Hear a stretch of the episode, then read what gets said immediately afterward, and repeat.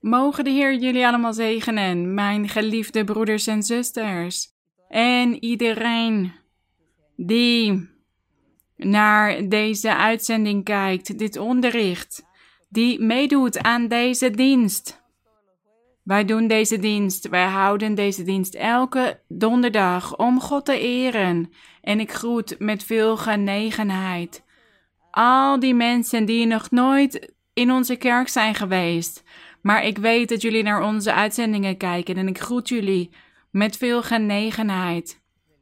Mensen uit verschillende godsdiensten of religies, jullie zijn allemaal welkom. En ik feliciteer jullie omdat jullie deze tijd vrijmaken om bij ons te zijn. In deze uitzending. En om de Bijbel te lezen en met ons te zingen en onze God te eren. Want Hij verdient alle lofuiting. Hij verdient alle eer. Hij verdient het. Dat wij Hem aanbidden en eren, want Hij is dit waard. En dit is ons werk. Dit is onze taak, God te eren en Hem te verheerlijken. En met heel ons hart ernaar te verlangen dat vele mensen aan zijn kerk toegevoegd worden, tot Gods eer. En ik groet ook met veel genegenheid al die jongeren die vanwege een drugsverslaving nu aan een rehabilitatieproces zijn begonnen.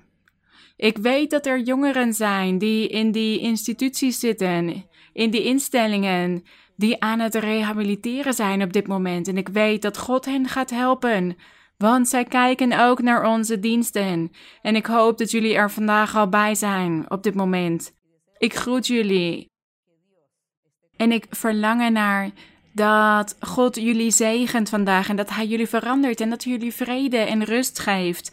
En dat jullie mogen kennen wat het is om vrijheid te hebben, om vrij te zijn. En ook dat verlangen te voelen om te blijven leven. God is de enige die dit kan geven aan de mens. Al deze dingen geeft God aan de mens. En ik groet ook allen die van hun vrijheid zijn beroofd die op dit moment gevangen zijn.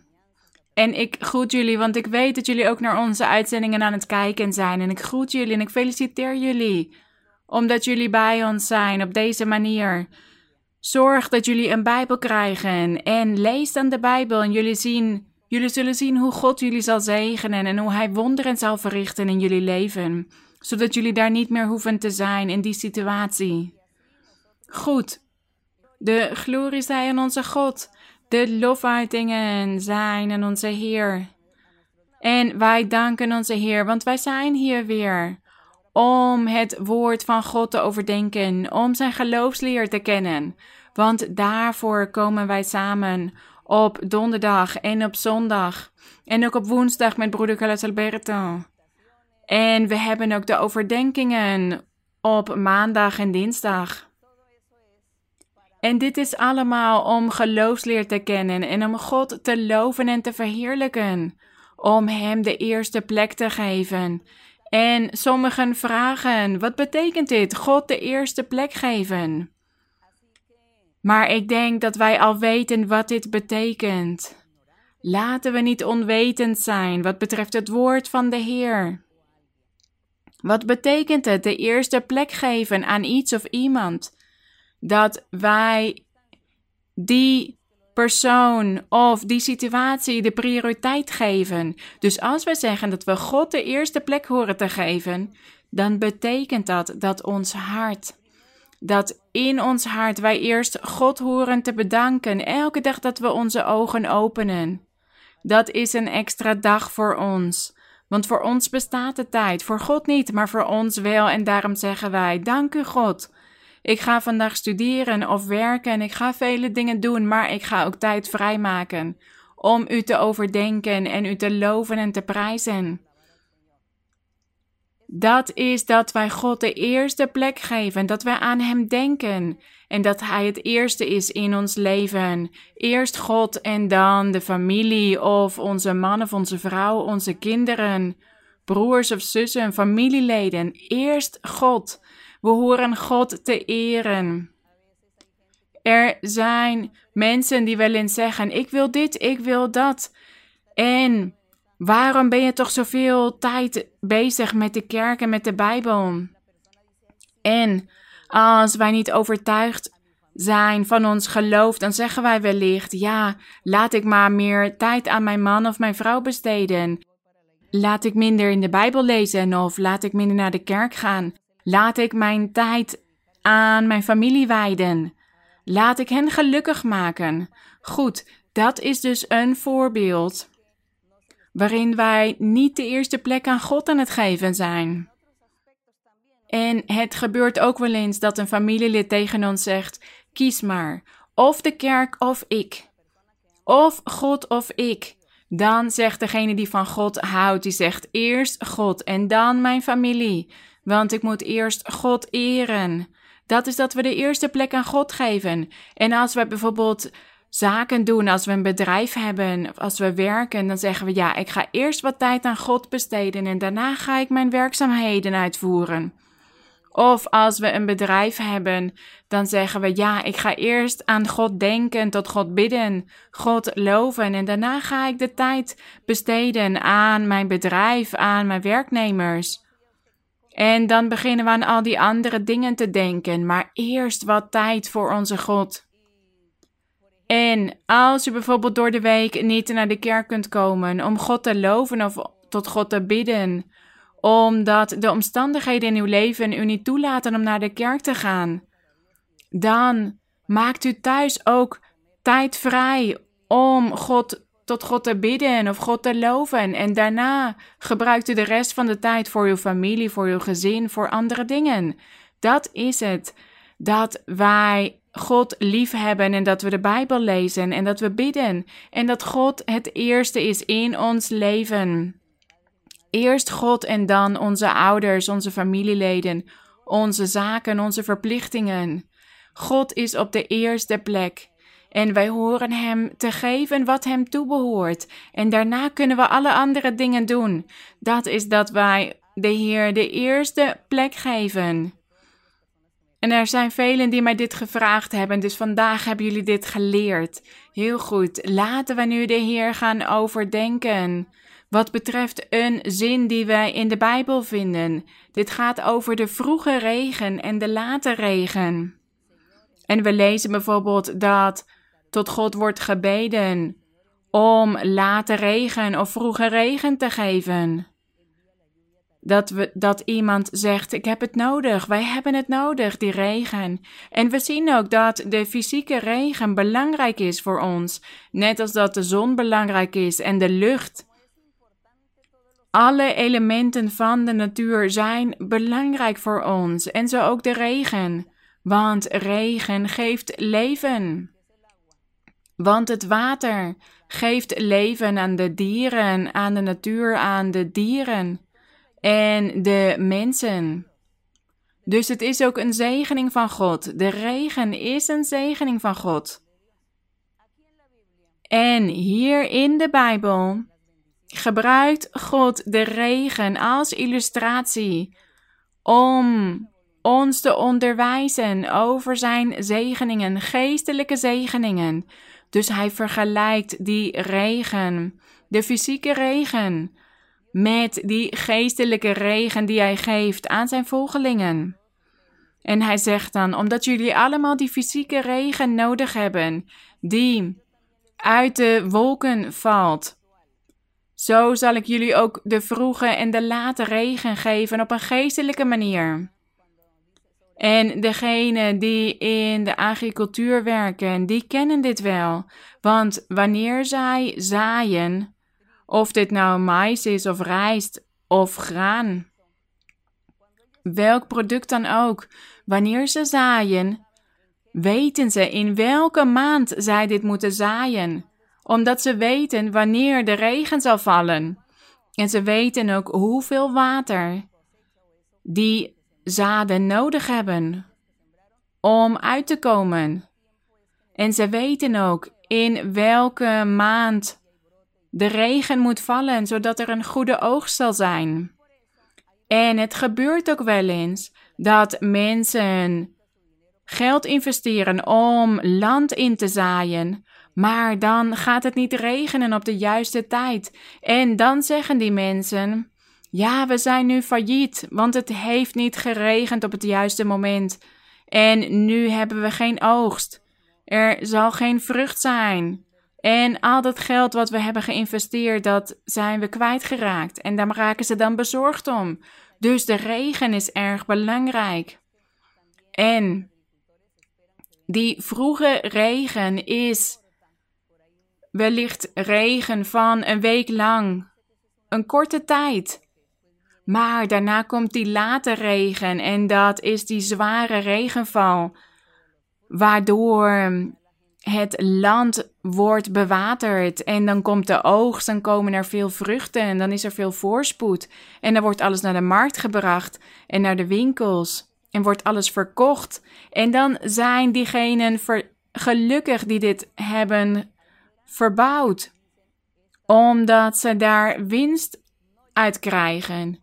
Maar soms gebeurt het dat ze zeggen: de zomer heeft ons geraakt. En dat het te warm is geweest en dat de regen niet is gevallen en dat daarom de oogst is mislukt. En zo zegt God dus tegen ons: zoals de natuur regen nodig heeft, zoals jullie fysieke regen nodig hebben, zo hebben jullie ook mijn geestelijke regen nodig. Want jullie hebben de Heilige Geest nodig, jullie hebben geestelijk voedsel nodig. Geestelijk water om te kunnen groeien. En God had ons beloofd om de Heilige Geest naar ons te sturen. En we gaan hier vandaag over lezen, over de vroege en de late regen. Over die geestelijke vroege en late regen, zodat wij dit ook aan God gaan vragen. Die regen, die geestelijke zegeningen, de doop met de Heilige Geest en de geestelijke gaven en de openbaring van God door middel van zijn Heilige Geest in ons midden. Dat is die regen van God. En laten wij de Bijbel openen in Deuteronomium hoofdstuk 11, vers 11 tot en met 14. En hier lezen we over die fysieke regen die God aan Mozes had beloofd.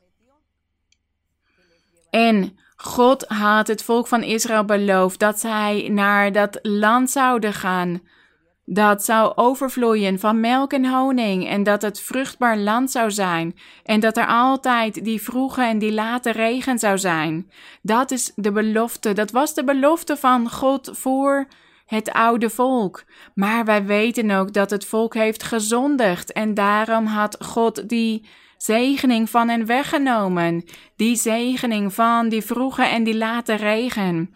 En het land van Canaan was juist woestijnland geworden. En vele jaren had het niet geregend en er was veel gebrek, veel schaarste. Ze hebben moeilijke tijden meegemaakt in die tijd in het land van Canaan. Die belofte was dus niet vervuld geraakt in hun tijd. Want God had gezegd dat zij die vroege en die late regen zouden hebben, zoals hier staat in vers 14 van Deuteronomium hoofdstuk 11. Laten we lezen in vers 11. Maar het land waar u naartoe trekt om het in bezit te nemen, is een land met bergen en dalen. Het drinkt water door de regen uit de hemel. Het is een land waar de Heere uw God voor zorgt. Voortdurend rusten de ogen van de Heere uw God daarop, van het begin van het jaar tot het einde van het jaar. En hier gaf hij hen dus deze belofte dat hij regen uit de hemel zou laten komen. Maar we weten dus dat dit niet is gebeurd. En we zien ook als we de geschiedenis lezen, als we koningen en richteren, Samuel, kronieken lezen, dan lezen we over dat dat land zo droog was en dat het niet regende en dat ze tot God moesten bidden voor regen. En dat er ook tijden waren dat er niks te eten was en dat de dieren stierven vanwege het gebrek aan water. Dus deze belofte, zoals in vers 14 staat, dat hij regen op, dit land zou geven op zijn tijd, vroege regen en late regen, zodat u uw koren, uw nieuwe wijn en uw olie kunt inzamelen, staat in vers 14. Maar die belofte was dus voor de laatste dagen, voor de toekomst. voor dat tijdperk dat we nu meemaken, want dit was geestelijk. God sprak hier over die geestelijke regen. En laten we lezen in Psalm 65. Psalm 65, vers 10. De psalmist zegt hier tegen de Heer in zijn gezang. Dit was een psalm van David en hij was aan het zingen en aan het profeteren. Voor God. Hij was geïnspireerd door God en hij sprak dus over al deze geestelijke dingen. En hij zei hier in vers 10: U zag om naar het land en gaf het overvloed. U maakt het zeer rijk. De beek van God is vol water. U geeft hun koren. Ja, zo geeft u het. U doordrenkt zijn omgeploegde aarde. U doet water in zijn voren dalen. U doorweekt het met regendruppels. U zegent zijn gewas. U kroont het jaar van uw goedheid. En uw voetstappen druipen van overvloed. Zij bedruipen de weiden van de woestijn. En de heuvels omgorden zich met vreugde vanwege die regen en vanwege die beek van God die vol water is, die dat, die dat land vruchtbaar maakt. En deze psalmist die hier aan het zingen was, dit ging niet over fysieke regen. Dit was een profetie. Dit ging over het geestelijke. U zag om naar het land en gaf het overvloed. Ja, God stuurt ook de fysieke regen. Maar hij is meer geïnteresseerd in die geestelijke regen. En als hier staat, u zag om naar het land. Het land, dat is het hart van degene die naar God zoekt. Die het water van God zoekt. Die het water van God nodig heeft, die regen van God. En als zij dan dat water ontvangen van God, dan zullen ze vruchten voortbrengen. Het gaat hier over de Heilige Geest in het hart van mannen en vrouwen die in God geloven en die Hem volgen en die zullen op die manier vruchten voortbrengen voor onze God. Zoals God had gewild dat het land van Canaan veel vrucht had voortgebracht, zo wil Hij ook dat het hart van die mannen en vrouwen die in God geloven zoveel vruchten dragen. Dus het lijkt hier alsof het over het fysieke gaat. Maar dit is symbolisch. Dit gaat over het geestelijke. Over wat God in de toekomst zou geven. Dat is wat belangrijk is voor God, het geestelijke. Het fysieke is niet belangrijk, want het fysieke houdt op een gegeven moment op. Alles komt tot zijn eind, maar het geestelijke zal voor eeuwig blijven bestaan, tot in de eeuwigheid. Dus we zien hier dat God het hier heeft over die regen of over dat water dat Hij geeft aan het hart van de mens. En in Psalm 84, vers 6. Psalm 84, vers 6. Hier staat: Welzalig de mens van wie de kracht in u is, dus in God is.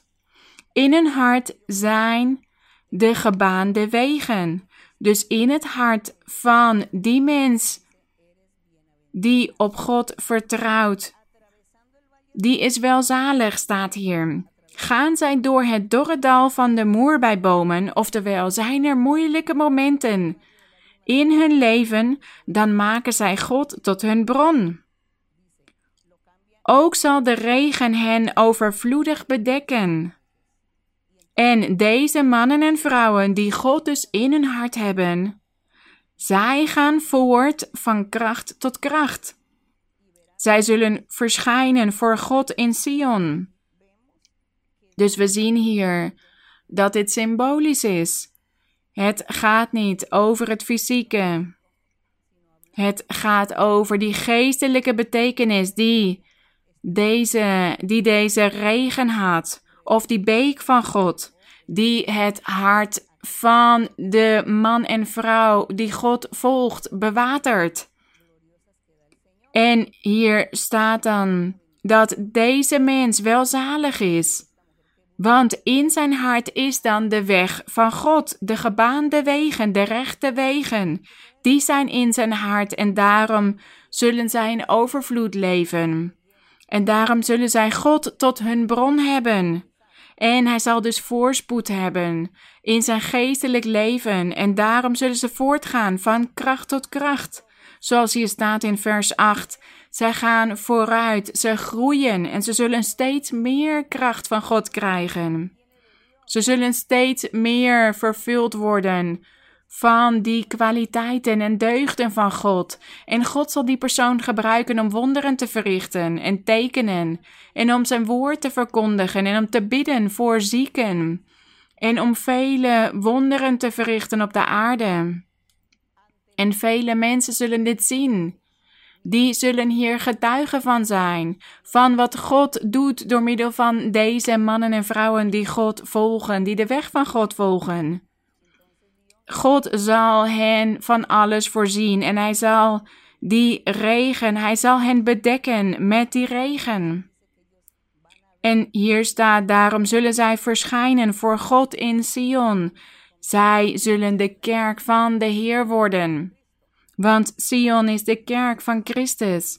En deze mannen en vrouwen die dus voortgaan van kracht tot kracht, dat is omdat ze meer kracht van God krijgen, elke dag meer.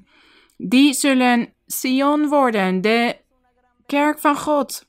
Dat is die grote zegening. En daarom horen wij God ook te vragen om ons die vroege en die late regen te geven. En elke keer dat we lezen in de Bijbel over de vroege regen en de late regen, dan weten we dus dat het over die geestelijke regen gaat, over de Heilige Geest en de geestelijke gaven. De openbaring van God in het leven van iedereen. En laten we nu naar Jesaja gaan. Jesaja 44. Jesaja 44, na het boek Psalmen. Jesaja 44. Hier zegt de profeet Jesaja in zijn profetie. In vers 2, zo zegt de Heere uw maker en uw formeerder van de moederschoot af, die u helpt. Wees niet bevreesd, mijn dienaar Jacob. Jeshurun, die ik verkozen heb. Hij sprak je dus tot Jeruzalem, tot de stam van Juda, want daar zou de Heer Jezus Christus uit voortkomen, de Messias, de Verlosser. En daarom staat hier: Wees niet bevreesd, mijn dienaar Jacob. Dit is hetzelfde als zeggen: Wees niet bevreesd, Jeruzalem. Want daar is de Heer Jezus Christus uit voortgekomen. Het geestelijk Jeruzalem heb ik het dan over. Want in het fysieke Jeruzalem, ja, daar heeft de Heer zich geopenbaard. Maar nu is dat Jeruzalem geestelijk. Dat is de kerk van Christus, de volgelingen van Christus. Die wordt gevormd door mannen en vrouwen van over de hele wereld. Zij zullen samen de kerk vormen, dit geestelijk Sion of het geestelijk Jeruzalem. Gedenk dat wij hebben gelezen dat de Heer Jezus tegen de Samaritaanse vrouw zei dat de tijd zal komen dat u niet op deze berg en ook niet in Jeruzalem de Vader zult aanbidden, want God is geest. En hij zal dus niet op deze berg zijn en ook niet in Jeruzalem. Hij zal zich openbaren in het hart van alle mannen en vrouwen die in hem geloven en die zijn wil doen, zijn geboden in acht nemen. En daarom staat hier: Wees niet bevreesd, mijn dienaar Jacob, Jeshurun die ik verkozen heb. Vers 3: Want ik zal water gieten op het dorstige. Het dorstige, dus dat is iets wat droog is. En stromen op het droge. Dit is hetzelfde, het, het droge of het dorstige. Droog land. Ik zal mijn geest op uw nageslacht gieten, staat hier. Maar wie is dit nageslacht? De gelovigen in het evangelie, het ware evangelie van Christus Jezus. Dat is dit nageslacht, op wie de geest van God gegoten zal worden.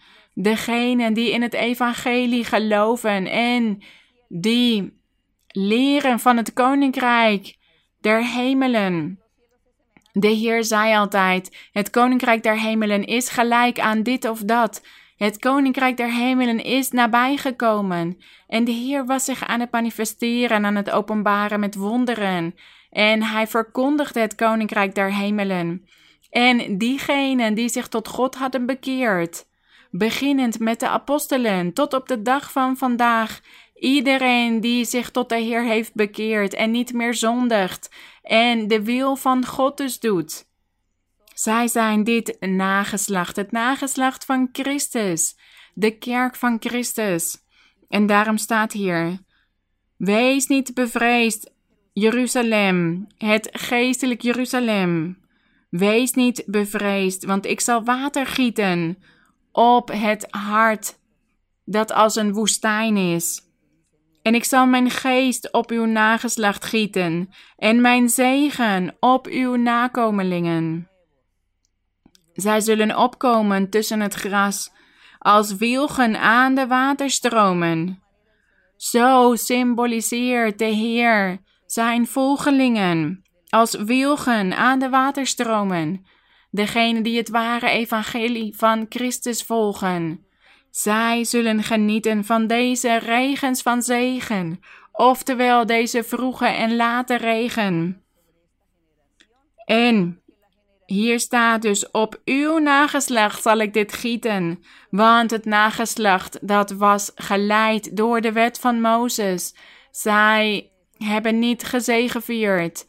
God had hen verworpen, omdat zij hem hadden verlaten. Daarom gaat dit nageslacht over het nageslacht van Christus Jezus. En laten we nu naar Ezekiel gaan. Ezekiel, iets verderop vinden we Ezekiel, hoofdstuk 34. Ezekiel 34, vers 26. Hier staat: Dit is ook een profetie, maar nu van de profeet Ezekiel. En hij profeteerde voor de toekomst, voor de laatste dagen. Hier zegt de Heer. In vers. Laten we vanaf vers 24 lezen. En ik, de Heere, zal een God voor ze zijn, en mijn knecht David zal vorst zijn in hun midden. Dus hier staat dat ik, de Heere, een God voor hen zal zijn in de toekomst, en dat mijn knecht David vorst zal zijn in hun midden. Ik, de Heere, heb gesproken. En deze knecht David, het ging over Christus Jezus. Vers 25, ik zal een verbond van vrede met ze sluiten. Dit heeft hij gedaan op het kruis van Golgotha. En de wilde dieren uit het land wegdoen. Die wilde dieren, dat gaat over alle mannen en vrouwen die zich bekeerd hebben tot God. Want zij waren eerst als wilde dieren, maar God heeft hun hart veranderd. Dus Zodra zij die regen van God hebben ontvangen, de Heilige Geest, zijn zij veranderd en zijn ze dus geen wilde dieren meer of hebben ze geen hart meer als van een wild dier, maar zijn zij vernieuwd. Net als dat de Heer tegen Nicodemus zei, toen hij vroeg wat hij moest doen om het eeuwige leven te kunnen ontvangen. Toen zei de Heer: Je moet opnieuw geboren worden. En Nicodemus vroeg hem dan: Hoe kan ik nou voor de tweede keer de schoot van mijn moeder ingaan en opnieuw geboren worden? Nee, daar gaat het niet over, zei de Heer Jezus. Geloof in mij, en ik zal van jou een nieuw mens maken, met een rein hart, zonder zonden, zonder vlekken. En uit jou zal een bron ontspringen, dat op wil tot het eeuwige leven. Daarom staat hier: Ik zal een verbond van vrede met ze sluiten en de wilde dieren uit het land wegdoen. Zij zullen onbezorgd wonen in de woestijn en slapen in de wouden. Zij konden niet met elkaar leven in vrede vanwege al hun zonden en al het kwaad in hun midden, maar in het evangelie verandert Christus Jezus het hart van mannen en vrouwen en zorgt hij ervoor dat iedereen in vrede kan samenleven. En dat ze onbezorgd kunnen wonen, dat ze een vernieuwd hart hebben. En dat ze geen slecht leven meer leiden, maar juist een heilig leven. Vers 26. Ik zal hun, dus die wilde dieren. Zien jullie wel dat het hier niet gaat over fysieke wilde dieren? Het gaat hier over mannen en vrouwen die zich gedragen als wilde dieren. Maar de Heer verricht dus in hen dat wonder en hij verandert hen. En daarom staat hier: Ik zal die wilde dieren en het gebied rond mijn heuvel een zegen geven. En ik zal de regen op zijn tijd doen neerdalen. Oftewel de Heilige Geest. Ik zal de Heilige Geest op zijn tijd doen neerdalen. Regens van zegen zullen er zijn. De bomen op het veld zullen hun vrucht geven. Het land zal zijn opbrengst geven. Ja, iedereen moet dus vrucht geven. Dat is het werk van de Heilige Geest. In het hart van mannen en vrouwen die in God geloven en zich tot God bekeren. Die zijn woord in acht nemen, zijn wil doen. Wat een prachtige regen. Dit is prachtig, die vroege regen en die late regen. En laten we nu verder gaan. Laten we nu verder gaan in Hosea. Iets verderop, na Daniel, komt het boek Hosea.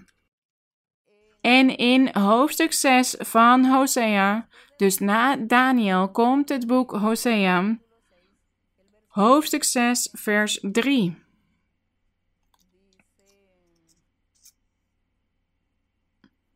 Laten we vanaf vers 1 lezen. Kom, laten wij terugkeren naar de Here, want Hij heeft verscheurd. Oftewel, laten wij ons bekeren tot God, want Hij heeft verscheurd, maar Hij zal ons genezen. Hij heeft geslagen, maar Hij zal ons verbinden. Oftewel, Hij heeft gestraft, maar Hij zal ons vergeven, want wij geloven in de Heer Jezus Christus. En daarom zal Hij ons vergeven, en daarom zullen wij terugkeren naar onze God. Dat zeiden deze mensen. En wij ook. Wij dachten dat wij geen kans hadden om God te leren kennen. Maar dankzij Jezus Christus hebben wij nu die kans. Omdat Hij het is die ons onze zonden vergeeft. En Hij maakt van ons heilige mensen zonder zonde. En in vers 2 staat: Na twee dagen zal Hij ons levend maken. Hij zal ons het eeuwige leven geven. En op de derde dag zal hij ons doen opstaan. Dan zullen wij voor zijn aangezicht leven. Ja, de Heer Jezus Christus, om ons het eeuwige leven te kunnen geven en om ons onze zonden te kunnen vergeven, heeft Hij moeten sterven. En is Hij opgestaan op de derde dag en zo maakt Hij ons levend. Hij moest overlijden en Hij is opgestaan uit de dood. Maar hij stuurt ons de Heilige Geest, zodat wij volmaakt kunnen worden en dus levend kunnen worden. En wij genieten van deze vroege en late regen, zoals hier staat in vers 3. Dat hij naar ons toekomt als de regen, als late regen die het land nat maakt. En het gaat hier over die Heilige Geest die hij had beloofd. En die heeft hij ook gezonden. En wat was de eerste keer dat die Heilige Geest zich openbaarde? Dat was op, het dag, op de dag van het Pinksterfeest. Dat die 120 samen waren gekomen in de bovenzaal. Ook de moeder van Jezus, Maria. En dat zij aan het bidden waren en dat de Heilige Geest op hen neerdaalde en dat ze begonnen te profeteren. En dat er wonder, wonderen werden verricht. Op die dag had hij die vroege en die late regen naar de mensen gestuurd.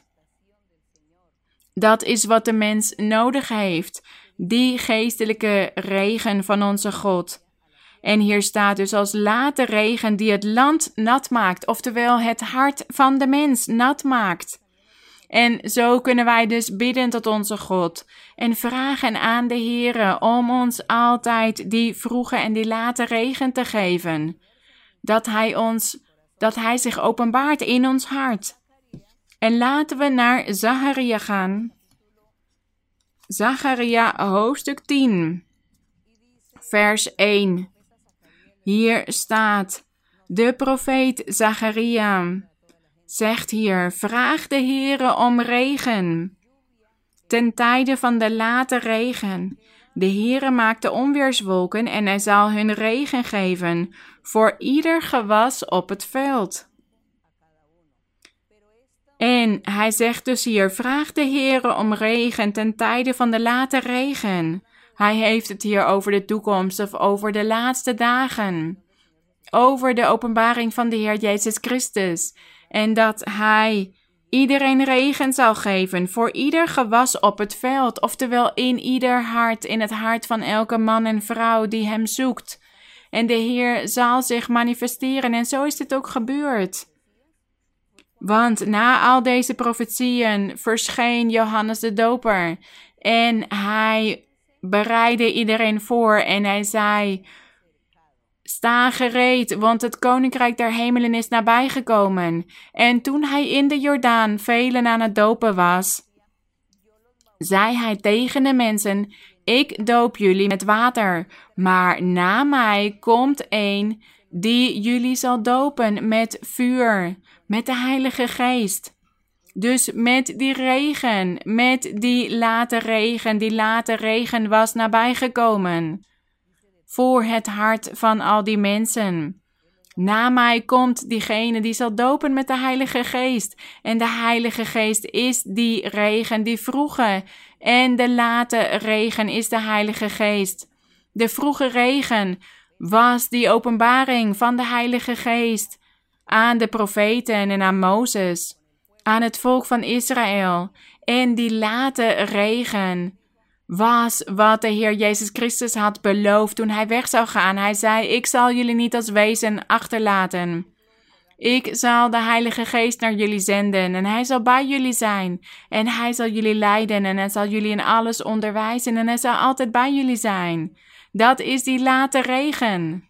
En op de dag van het Pinksterfeest begon die late regen zich te openbaren. Want toen begonnen zij andere talen te spreken en ze begonnen te profeteren. En de geestelijke gaven begonnen zich te openbaren. Dat is die late regen en wij genieten daarvan tot op vandaag de dag. En daarom moeten wij ook daar God om vragen. Hier staat: Vraag de Heer om regen ten tijde van de late regen. En hij zal hun regen geven voor ieder gewas op het veld. Ons hart zal groen worden en het zal vrucht dragen en het zal als een gewas zijn op het veld dat vruchten geeft. Vanwege die regen in ons hart, de Heilige Geest, daarom zullen wij vruchten voortbrengen. Dus we zullen waarden hebben, kwaliteiten. We zullen goede dingen doen, oprechte dingen. Want dat is wat die vroege en late regen in ons leven doet. Hij verandert de mens. En in handelingen, laten we naar het Nieuwe Testament gaan. Of voordat we naar handelingen gaan, laten we nog in Zacharia hoofdstuk 14 lezen. Waar we net hebben gelezen, maar nu in hoofdstuk 14, vers 17 hier staat: Het zal geschieden dat er geen regen zal vallen op hem die uit de geslachten van de aarde niet zal opgaan naar Jeruzalem, om zich voor de koning, de Heere van de legermachten, neer te buigen. Dit vers, dit was ook een profetie van de profeet Zacharia. Voor de tijd van de Heer Jezus Christus, voor de tijd van de kerk van de Heere. En hier staat dat de geslachten van de aarde of de families op de aarde, degene die niet zal opgaan naar het geestelijk Jeruzalem, het geestelijk Jeruzalem, dit zijn die mannen en vrouwen die zich tot God hebben bekeerd en die de Heilige Geest in hun hart hebben. Zij zijn dit geestelijk Jeruzalem, zij vormen dit samen. Maar degenen die hier niet in geloven en die zich hier niet aan toevoegen, aan deze groep, die dus de koning, de heren van de legermachten, niet aanbidden of niet voor hem neerbuigen.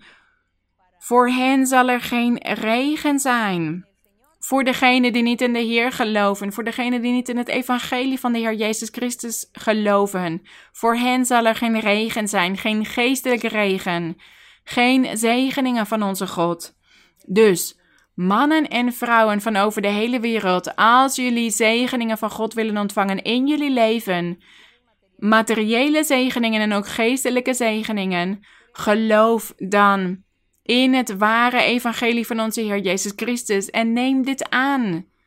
Hij is Jezus Christus en hij is de Zoon van God en hij is God zelf en hij is die Messias, die zaligmaker die zou komen. Hij is al gekomen. En volg zijn voetstappen, zodat hij u ook die vroege en die late regen kan geven en u kan vervullen met de kracht van de Heilige Geest en de geestelijke gaven. Maar als u hier niet in gelooft, dan zult u geen zegeningen van God kunnen ontvangen ook al behoort u tot een heel belangrijke godsdienst. Of die godsdienst die op de eerste plek staat op wereldniveau. Of degene die het langst, de, de religie, de godsdienst die het langst bestaat. Of die de meeste volgelingen heeft. Of die voor de wereld een eerste plek heeft. Als u niet het ware evangelie van de Heer Jezus Christus volgt dan zal er geen regen over u vallen. Dan zult u nooit de Heilige Geest ontvangen. En zonder de Heilige Geest bent u niks in de ogen van God. Bent u niemand. Want God wil dat iedereen die vroege en die late regen van Hem ontvangt. De Heilige Geest, die kracht van God, die geestelijke gaven en dat ze geleid worden door de Geest van God. Laten we nu wel doorgaan naar handelingen. Handelingen hoofdstuk 17. Hoofdstuk 14, vers 17. Handelingen hoofdstuk 14, vers 17. In het Nieuwe Testament. Handelingen van de apostelen. Hier was de apostel Paulus op een plek in een stad dat Iconium heette. En dat er velen waren die naar hem luisterden en dat ze in hem geloofden. Er waren Joden en Grieken. En ze waren in een grote menigte samengekomen om de apostel Paulus aan te horen. En we lezen hier ook dat de apostel Paulus veel achtervolgd werd en ook om gestenigd te worden. Maar op dit moment, in dit hoofdstuk, in vers 16, lezen we dat hij hen die ware God verkondigde. Bijvoorbeeld in deze versen staat dat er een groep mensen was en dat zij aan het bidden waren. En dat ze zagen dat God wonderen verrichtte door middel van Barnabas en Paulus. En dat er mensen waren in die stad in Listeren, die wilden een altaar bouwen voor Paulus, omdat ze hem zo dankbaar waren vanwege die wonderen die God had verricht door middel van Paulus. Maar Paulus zei tegen hen: Nee, nee, wij zijn gewoon mensen. Jullie moeten God aanbidden, niet ons. Hij is geest. En daarom moeten we hem aanbidden in geest. Wij zijn alleen woordvoerders van onze God. Maar deze Mensen wilden hen dus vereren en hen aanbidden, maar Barnabas en Paulus die probeerden dit tegen te houden. En in vers 15 staat: Mannen, waarom doet u dit? Ook wij zijn mensen, net zoals u. En wij verkondigen u juist dat u zich van deze zinloze dingen, oftewel van deze afgoden die zij allemaal aan het aanbidden waren, dat u zich van deze zinloze dingen moet bekeren tot de levende God, die de hemel, de aarde, de zee en alles wat erin is gemaakt heeft. Hij heeft in de tijden die achter ons liggen, al de heidenen hun eigen wegen laten gaan, staat hier. Ja, God had hen dus de vrijheid gegeven om hun eigen wegen te gaan. Vers 17. Hoewel hij zichzelf toch niet onbetuigd liet door goed te doen, hij gaf ons vanuit de hemel regen en vruchtbare tijden en verzadigde ons hart met voedsel en vreugde. Zij waren hier aan het getuigen dat zij die regen hadden ontvangen, de Heilige Geest, uit de hemel. En dat er dus vruchtbare tijden waren aangebroken. En het ging over de verkondiging van het evangelie, dat het vruchtbaar was. En daarom hadden ze het over deze regen die God hen had gegeven. En die hij hen ook zou geven als ze tot inkeer zouden komen, als ze zich zouden bekeren. En laten we nu teruggaan naar Joël. Teruggaan naar het Oude Testament in het boek Joël. Om te spreken over deze vroege en deze late regen. Joël. Na Daniel komt Hosea en daarna komt Joël, de profeet Joël. Hier gaan we het hebben over die profetie van de profeet Joël, die door God was gebruikt om voor de toekomst te profeteren in hoofdstuk 2. Joël hoofdstuk 2 vers 12 tot en met 29. Dit was de profetie van de profeet Joël. Dit was voor de toekomst voor die laatste dagen, die laatste tijden, oftewel de openbaring van de Heer Jezus Christus. Joël 2, vers 12. Ook nu echter spreekt de Heere, bekeer u tot mij met heel uw hart, namelijk met vasten, met geween en met rouwklacht. God was hier aan het uitnodigen, maar wie was hij aan het uitnodigen? Aan degenen die in het tijdperk van de Heer Jezus Christus zouden leven. Vanaf de Heer Jezus Christus tot vandaag de dag. Dus in de tijd na Christus. Voor hen was deze uitnodiging dat zij zich hoorden te bekeren. God had een overblijfsel van het volk van Israël overgehouden, zodat uit hen de Heer Jezus Christus kon komen. En hij had hen dus die kans gegeven, dat de overblijfsel had hij de kans gegeven om zijn evangelie aan te horen, om zijn evangelie te leren kennen, zodat God hen zou kunnen zegenen. En er waren vele anderen die in die tijd ook het evangelie hadden gehoord. En hier staat in vers 13: En scheur uw hart en niet uw kleren. Waarom zei hij dit? Waarom zei hij: Scheur uw hart en niet uw kleren? Omdat in de oudheid, in die tijd van het oude volk, als zij God hadden gefaald, als ze hadden gezondigd en als ze verdrietig waren geworden en tot inkeer wilden komen, als ze berouw voelden, dan kleden zij zich met een zwart kleed, met een rouwkleed, en gooiden ze as over zichzelf, om te laten zien aan iedereen dat zij triest waren en dat ze tot inkeer waren gekomen, dat ze berouw hadden van hun daden. Maar de Heer zegt dus in het evangelie hoeft niemand meer zijn kleren te scheuren. Want dat deden zij. Zij scheurden hun kleren om te laten zien dat zij berouw hadden maar hij zei: Nee, scheur jullie hart, niet jullie kleren. Bekeer u tot de Heere uw God, want hij is genadig en barmhartig, geduldig en rijk aan goede tierenheid. En hij heeft berouw over het kwaad. Zien jullie wel, de Heer straft, maar hij heeft hier daarna ook berouw over. Dus laten we niet toestaan dat de Heer ons straft. Laten we hem geen redenen geven om ons te straffen. Vers 14. Wie weet zal hij zich omkeren en berouw hebben, zodat hij een zegen achter zich overlaat. Dat staat hier. Wellicht laat hij een zegen achter zich over, een graanoffer en een plengoffer voor de Heere uw God. Vers 15. Blaas de bazuin in Sion. Kondig een vastentijd af. Roep een bijzondere samenkomst bijeen. Dit ging over die feesten, die vieringen die zij hielden in die tijd om God te loven en God te prijzen en ook om vergeving te vragen. En op een geestelijke manier blazen wij de bazuin als gelovigen in Christus. In die tijd, toen de Heer Jezus Christus op de aarde was, maar ook degenen die vandaag de dag leven en in Christus geloven en zich tot Christus bekeren zij zullen de Heilige Geest in hun hart ontvangen.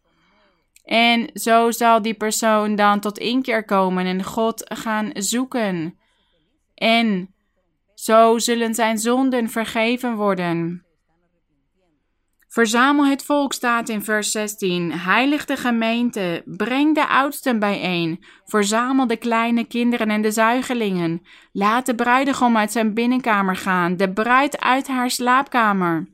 Oftewel, laat iedereen luisteren naar het woord van het Koninkrijk der Hemelen, het woord van onze God, het ware evangelie. Christus als koning, Christus als de zoon van God en Christus als God zelf die de regens van zegen stuurt over de mensen, die de Heilige Geest stuurt en de geestelijke gaven en er zijn dromen en visioenen en profetieën, ook in de samenkomsten. Dat is wat de Heer wilde geven en hij wilde dat iedereen zou genieten van de vroege regen en van de late regen. En dat iedereen als één man zou samenkomen om God te loven. Vers 17. Laten de priesters, de dienaren van de Heere, wenen tussen de voorhal en het altaar. En laten zij zeggen: Ontzie uw volk, Heere, geef uw erfelijk bezit niet over aan smaad, zodat de heidevolken over hen zouden heersen. Waarom zouden ze onder de volken zeggen: Waar is hun God? Dus hier zeiden zij: Kom tot inkeer, zodat niemand jullie beschaamd zal laten staan. En zodat God jullie vergeeft en jullie de Heilige Geest stuurt, zodat Hij in jullie hart kan wonen. En zo zullen al die andere volken niet om jullie lachen.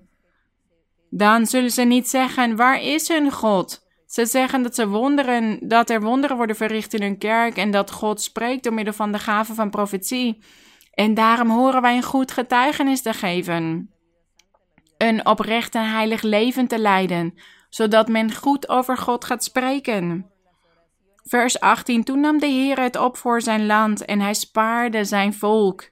Hij vergaf zijn volk. De Heer antwoordde en zei tegen zijn volk: Zie, ik zend u het koren of het brood. De Heer Jezus Christus en zijn geloofsleer.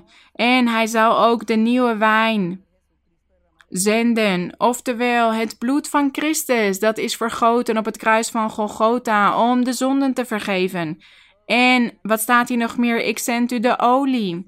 En de olie is die Heilige Geest, zodat u ermee verzadigd wordt. Verzadigd van God. God zal in ons midden wonen. En hier staat: Ik zal u niet meer overgeven als voorwerp van smaad onder de heidevolken. Dus hij zal niet toestaan dat zijn volk bespot zal worden, omdat hij ervoor zorgt dat zijn volk op een heilige manier kan leven. Want hij geeft de Heilige Geest aan zijn kinderen. En niemand zal hen dan nog uitlachen. Nee, juist het tegenovergestelde. Ze zullen bewonderd worden. De kinderen van God. En mensen zullen zeggen: In die kerk zijn er eerbare mensen, eerlijke, oprechte mensen. Zij hebben God in hun hart. Dat is wat we willen, dat andere mensen over de kinderen van God zeggen. En in vers 20 staat: Ik zal die uit het noorden ver van u wegdoen. Ik verdrijf hem naar een door en woest land, oftewel de vijanden. Zijn voorhoede naar de zee in het oosten, zijn achterhoede naar de zee in het westen. Zijn stank stijgt op, zijn walm stijgt op, want hij heeft grote dingen gedaan. En we lezen in de geschiedenis dat de Heer heeft toegestaan dat vele volken, Juda en Jeruzalem, hadden belegerd en vernietigd en aangevallen. Maar God had hen behouden omdat, dat daar, omdat daar de Heer Jezus Christus uit voort zou komen. Daarom staat hier, hij heeft grote dingen gedaan. Vers 21, wees niet bevreesd, land, verheug u en wees blij, want de Heer heeft grote dingen gedaan. Wees niet bevreesd, dieren van het veld. En dit zijn dus weer niet die fysieke dieren van het veld. Nee, dit zijn weer die mensen die zich gedragen als een dier van het veld, als een wild dier, die maar doen wat ze zelf willen en die de geboden van God niet in acht nemen. Maar wanneer God hen roept en zegt: Kom tot inkeer, en ik zal jullie een nieuw leven geven en jullie zonden vergeven, dan zullen die dieren van het veld veranderd worden. En de Heer zal tegen hen zeggen: Ik zal jullie zegenen, ik zal je helpen. Wees niet bevreesd, want de weiden van de woestijn worden groen. De bomen dragen hun vrucht. De wijnstok en de vijgenboom geven een opbrengst. Dus er zou overvloed zijn, maar dit is geestelijke overvloed. In het hart van mannen en vrouwen die dorstig zijn voor het woord van God. We lezen dat toen de Heer Jezus Christus op de aarde verscheen, dat velen verdrietig waren. Want God had zich heel lang niet gemanifesteerd in hun midden. Er waren geen dromen, geen visioenen, geen profetieën. Maar toen Johannes de Doper verscheen en daarna ook de Heer Jezus, waren velen verheugd.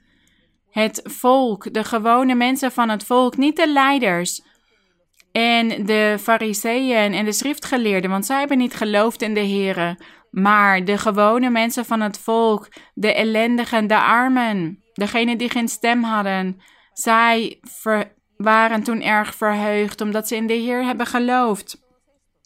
En zij waren dus die bomen die vrucht droegen en de wijnstok en de vijgenboom die hun opbrengst gaven. Zo vergelijkt de Heer de mens met dingen uit de natuur.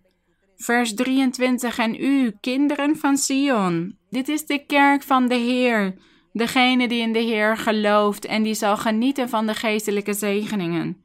Daarom staat hier: verheug u en wees blij in de Heere uw God want hij zal u geven de leraar tot gerechtigheid. Die zal regen op u doen neerdalen, vroege regen en late regen in de eerste maand. Dus dit was die belofte van God voor dit overblijfsel en ook voor allen die het woord van het evangelie van onze Heer Jezus Christus zou aanhoren. Die zou geloven in de openbaring van de Messias, de koning. Hier staat, die zal regen op u doen neerdalen, vroege regen en late regen. En zo is dit gebeurd. We lezen dit in Handelingen van de Apostelen.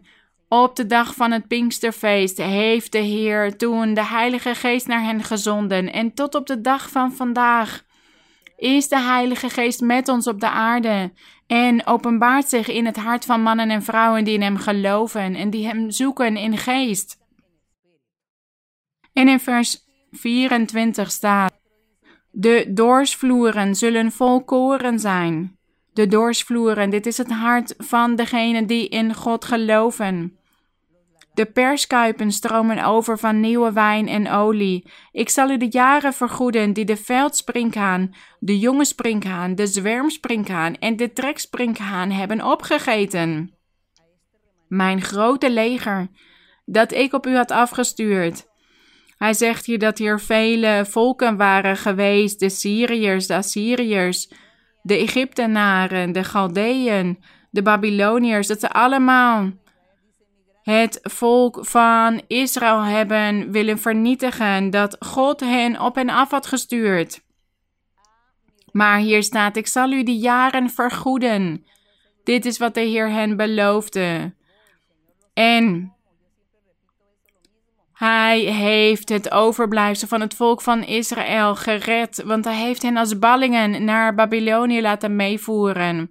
En na 70 jaar zijn ze weer teruggekomen naar Jeruzalem maar de Heer heeft zich toen 430 jaar lang niet gemanifesteerd in hun midden, tot, totdat Johannes de Doper verscheen.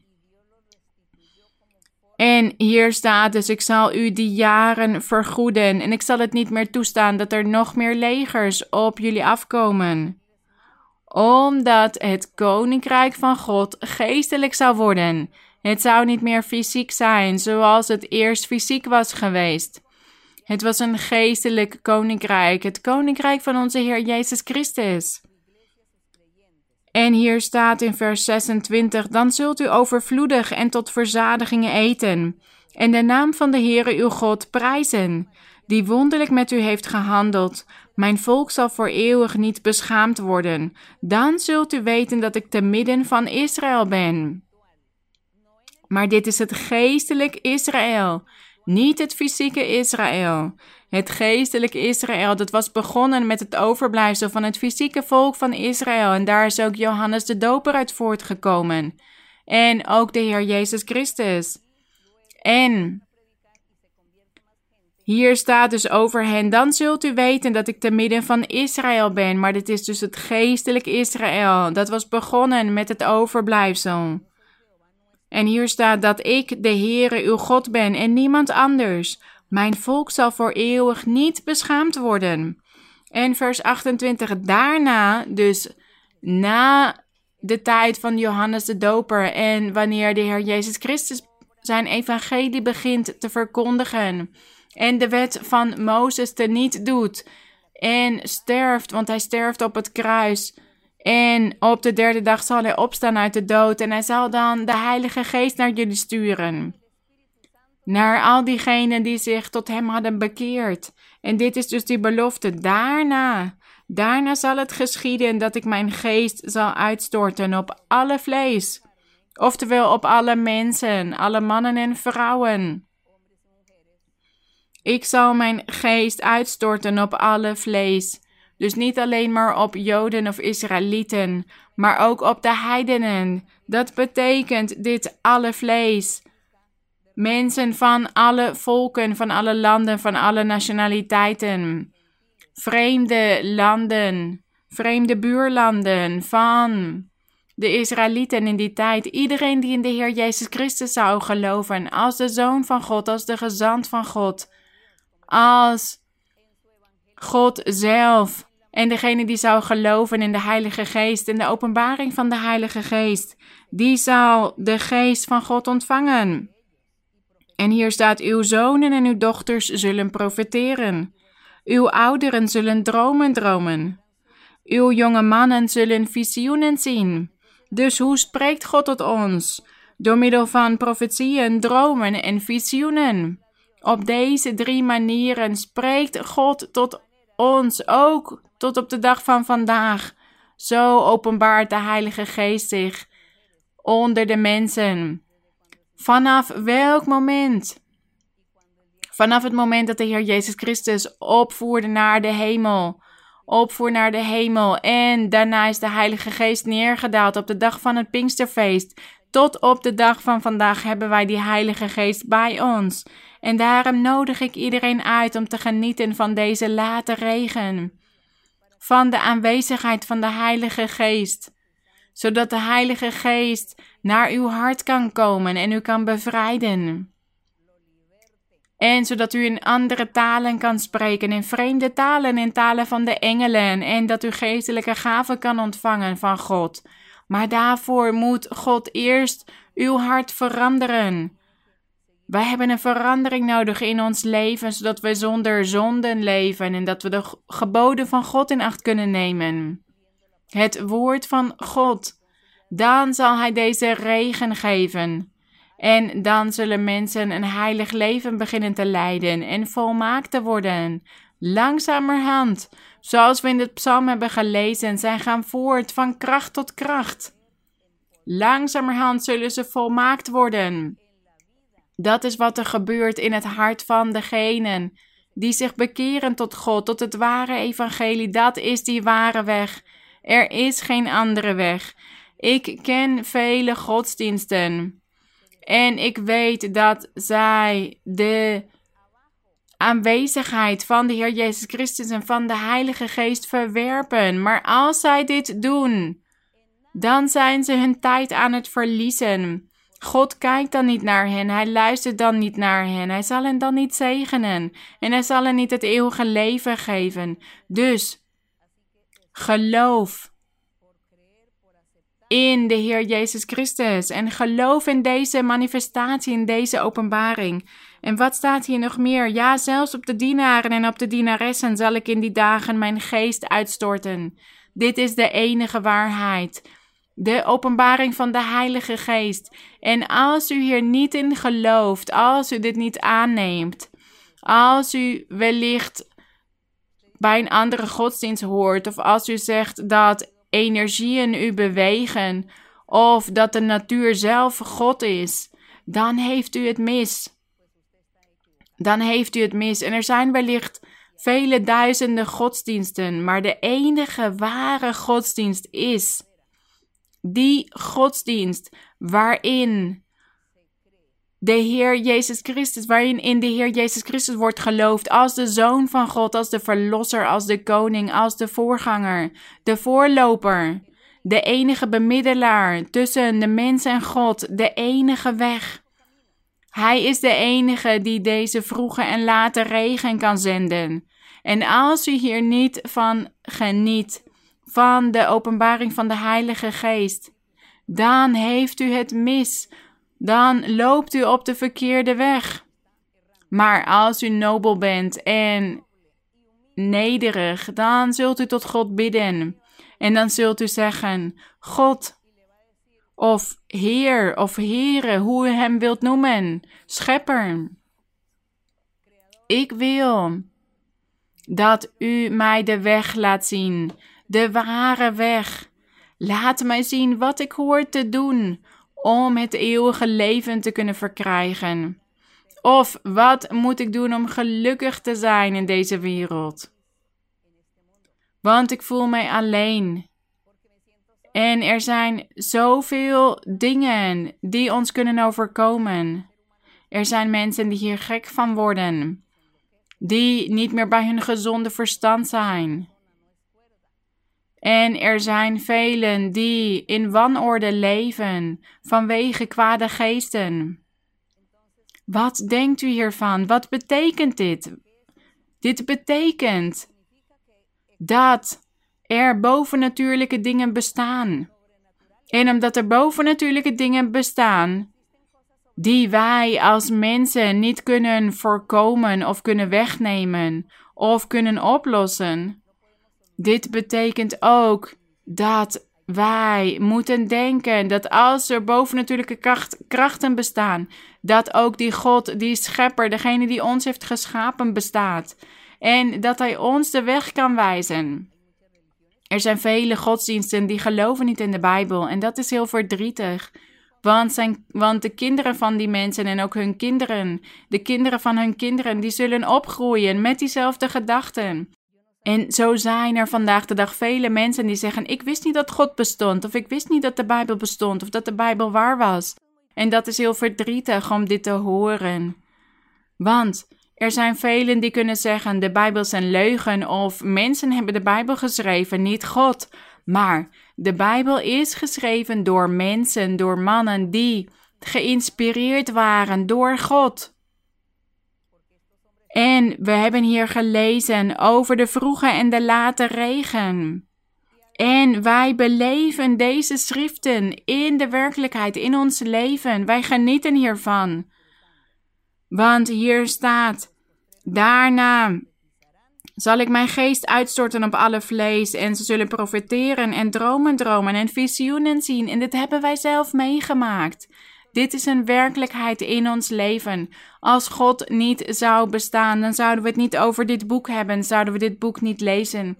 En zouden we niet zeggen dat dit boek de waarheid is. Ik heb wellicht niet genoeg woorden om jullie te kunnen overtuigen, om degene die niet gelooft te kunnen overtuigen, of degene die twijfelt of zegt dat God niet bestaat. Maar ik kan jullie wel zeggen, als jullie een deze dagen tot God beginnen te bidden en zeggen: Heer, ik wil graag dat u mij laat zien dat u waarachtig bent. Ik wil u leren kennen. Ik wil weten dat u de waarheid bent en dat u een werkelijkheid bent, dat u bestaat. Laat mij dit zien en als u mij dit laat zien, dan zal ik u volgen en u loven en in u geloven. En ik zal mijn leven wijden aan het verkondigen van uw woord. Maar Doe dit niet op een trotse wijze of op een uitdagende manier, want wij kunnen God niet uitdagen. Nee, laten we dit met nederigheid en met eenvoudigheid van hart aan God vragen, omdat u gelukkig wilt zijn. En omdat u gelukkig wilt zijn, spreek dan tot God met oprechtheid en met nederigheid in uw hart. Maar we horen dus deze vroege en late regen te zoeken en God zal ons dit geven. Laten we gaan bidden. Laten we gaan bidden tot onze God, want er zijn velen die lijden onder toverijen, bezweringen, vervloekingen. En er zijn op dit moment, op dit moment kunnen mensen niet naar de kerk toe komen om handoplegging te ontvangen. Dus waar u thuis bent, in een appartement of een huis waar u woont, als u wellicht met uw man en uw zoon woont, bijvoorbeeld, of met een broer en zus, degene die in uw woning zijn, die met u wonen, als u degene bent die God kent, leg dan de anderen in uw huis de handen op en bid voor hen tot God. En ik weet niet waarom mensen mij verkeerd begrijpen wanneer ik dit zeg. Want het is dus niet zo dat we onze buren gaan opbellen en zeggen: Kom allemaal naar mijn huis om samen te komen en ik ga voor jullie bidden en jullie allemaal de handen opleggen. Nee. Nee, ik spreek nu tot mensen die nieuw zijn in de kerk, want degenen die al langer in de kerk zijn, de ouderlingen, die weten dit al, die weten hoe ze hiermee om moeten gaan. Degenen die al jaren in de kerk zijn, die weten hoe wij de dingen horen te doen, maar ik onderwijs juist degenen die nieuw zijn in de kerk, die wellicht deze dingen nog niet weten of geestelijk gezien nog niet volwassen zijn. Als jullie wellicht in jullie woning iemand hebben die gekweld wordt door kwade geesten, leg die persoon dan uw handen op. En u kunt wellicht zeggen: Ik heb die vroege en die late regen van God nog niet ontvangen. Ik heb de Heilige Geest nog niet ontvangen. Maar deze persoon kan niet slapen of hij leeft in wanorde door kwade geesten. En er is een chaos in mijn woning vanwege deze situatie. En er zijn wellicht ook kinderen. En mensen zitten opeengepakt thuis op dit moment. Dus bid dan tot God. Leg uw handen op uw huisgenoten, op degene die bij u wonen. En zeg dan tot God: Ik heb de Heilige Geest nog niet ontvangen, mijn Heer, maar ik ben u gehoorzaam. En ik bid tot u en ik vraag u om barmhartigheid voor mijn familielid, die lijdt onder toverij en bezweringen. Dit kunt u doen. Doe dit. Want we kunnen op dit moment niet naar de plek van samenkomst komen, naar de kerk, naar de tempel, om handoplegging te ontvangen. Dus als u thuis bent met andere mensen, kunt u die andere mensen uw handen opleggen en tot God bidden voor die personen. En de broeders en zusters weten dus ook, degenen die geestelijk volwassen zijn, hoe ze met dit onderricht om moeten gaan. En laten wij onderwijzen. Het is voor mij onmogelijk om te zeggen dat die familie dat wel kan doen, die andere familie dit niet kan doen, of dat we het in die situatie wel kunnen doen en in een andere situatie niet. Nee, dit is onmogelijk. Ik onderwijs gewoon op een algemene manier. En iedereen neemt dit aan in overeenstemming met zijn geestelijke volwassenheid. En daarom onderwijs ik de dingen, zodat de Heer kan handelen en jullie kan zegenen. Want er zijn ook velen die ziek zijn. En daarvoor moeten we bidden tot onze God. En er zijn ook vele echtscheidingen. Er zijn vele mannen die God kennen, in de kerk zijn en die nu ineens zeggen: Ik hou niet meer van mijn vrouw, ik wil scheiden. Het enige wat ik kan zeggen is: het is vreselijk te vallen in de handen van de levende God. Ik zeg dit omdat men mij vertelt dat zowel man als vrouw al bij de kerk horen en dat ze nu willen scheiden. Maar ze kennen God al. En ze zeggen: Ja, ik hou niet meer van hem of ik hou niet meer van haar. En ik wil scheiden, maar ze hebben kinderen. En hoe kunnen ze zich nou laten bedriegen? Door de duivel. En ik herinner jullie alleen: vreselijk is het te vallen in de handen van de levende God. Dus laten we God niet mishagen, laten we Hem juist behagen. Laten we Hem juist vragen om ons te helpen in ons huwelijk. Om geduldig te zijn, om te kunnen spreken. Om ook tot elkaar te kunnen spreken over elkaars fouten. En zeggen: Ja, ik zie dit in jou. Of ik zie dit in mij en ik wil graag veranderen. Of ik wil graag dat jij verandert. En bid tot God en vraag dit allemaal aan God. Het is niet zoiets eenvoudigs. Het huwelijk is niet zo eenvoudig als naar een winkel gaan om schoenen te kopen. Nee, we moeten ervoor strijden. Want God zal ons zwaar straffen als wij ons huwelijk niet redden. Het eerste wat hij zal doen is ervoor zorgen dat die persoon niet gelukkig zal zijn als hij zijn huwelijk niet in stand houdt. Dus als iemand zegt: laten we scheiden, laten we hiermee ophouden. Nee, kniel juist tot onze God en bid tot Hem en vraag Hem om hulp. Want dan houdt die persoon niet van God, die houdt meer van zichzelf dan van God. Want als we meer van onszelf houden dan van God, dan zoeken wij ons eigen genot. Maar als wij van God houden, dan zoeken wij naar het ware geluk. Als u als man of als vrouw verliefd bent geworden op een ander en met die andere persoon mee wil gaan, weet dan dat u even zult genieten, maar daarna zal er verbitterdheid zijn, zal, zullen er tranen met bloed zijn. Vooral degenen die God al kennen, het woord van God al kennen. Want jullie weten dat we het huwelijk in stand moeten houden. Dus verneder jullie zelf voor God en bid tot God, zodat Hij jullie weer die liefde geeft. Zodat Hij ervoor zorgt dat de duivel die tussen jullie is gekomen in jullie huwelijk, dat Hij weer afstand neemt. Om onze God te kunnen behagen. Want God horen we te behagen in alles. We horen God de eerste plek te geven. En hoe doen wij dit? Dus we kunnen niet zeggen: Ja, ik hou niet meer van mijn man of vrouw. Ik hou nu van iemand anders. Nee, God is eerst. Ik wil God behagen. En hoe kan ik God behagen? Door met mijn man of met mijn vrouw te blijven. Dat is God behagen. Eerst God. Dus ik blijf bij mijn man of bij mijn vrouw. Want dit is de persoon die God mij heeft gegeven. Maar als wij juist onszelf willen behagen, dan zeggen wij: ja, ik ga scheiden. Want ik wil op een andere manier gelukkig zijn. Goed. Mogen God barmhartig zijn met ons allemaal, met jullie allemaal, en mogen Hij jullie kracht geven, zodat jullie deze lasten kunnen dragen en deze situatie goed kunnen doorkomen, en dat Hij jullie deze deprimerende stemming van waanzin wegneemt. Dat Hij jullie hiervan bevrijdt. Laten wij allemaal bidden tot onze Heer en laten we spreken over ons probleem, over onze moeilijke momenten. Laten we Hem om barmhartigheid vragen.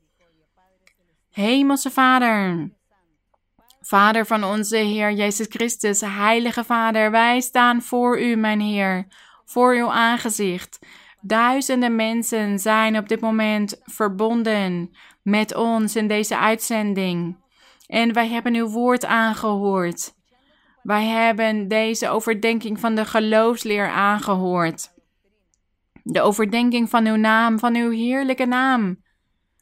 We hebben over u gesproken, over uw bestaan. Heilige Vader, help ons, mijn Heer. Strek uw hand uit, mijn Heer, en bevrijd.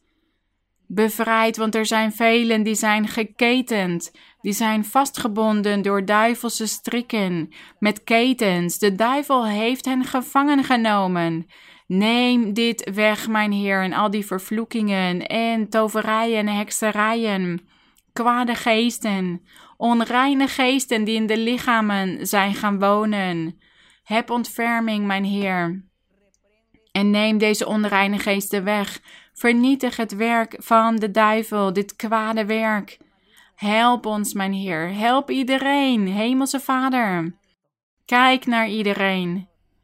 Kijk naar elke man, elke vrouw, elk kind, elke oudere, elke baby en zelfs degene die nog in de baarmoeder zijn. Kijk naar de behoeften van iedereen. Strek uw hand uit, mijn Heer, en verricht wonderen en tekenen en ver, en bevrijd en reinig.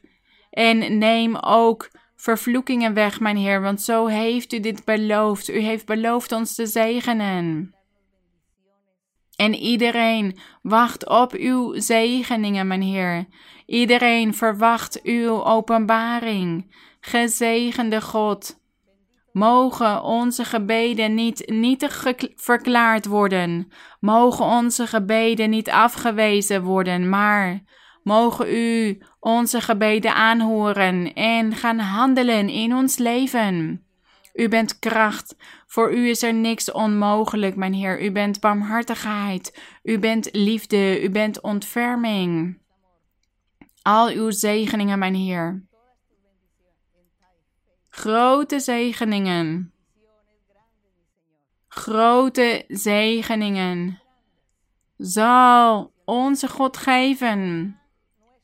Grote bevrijdingen zal onze Heer geven, voorspoed en overvloed.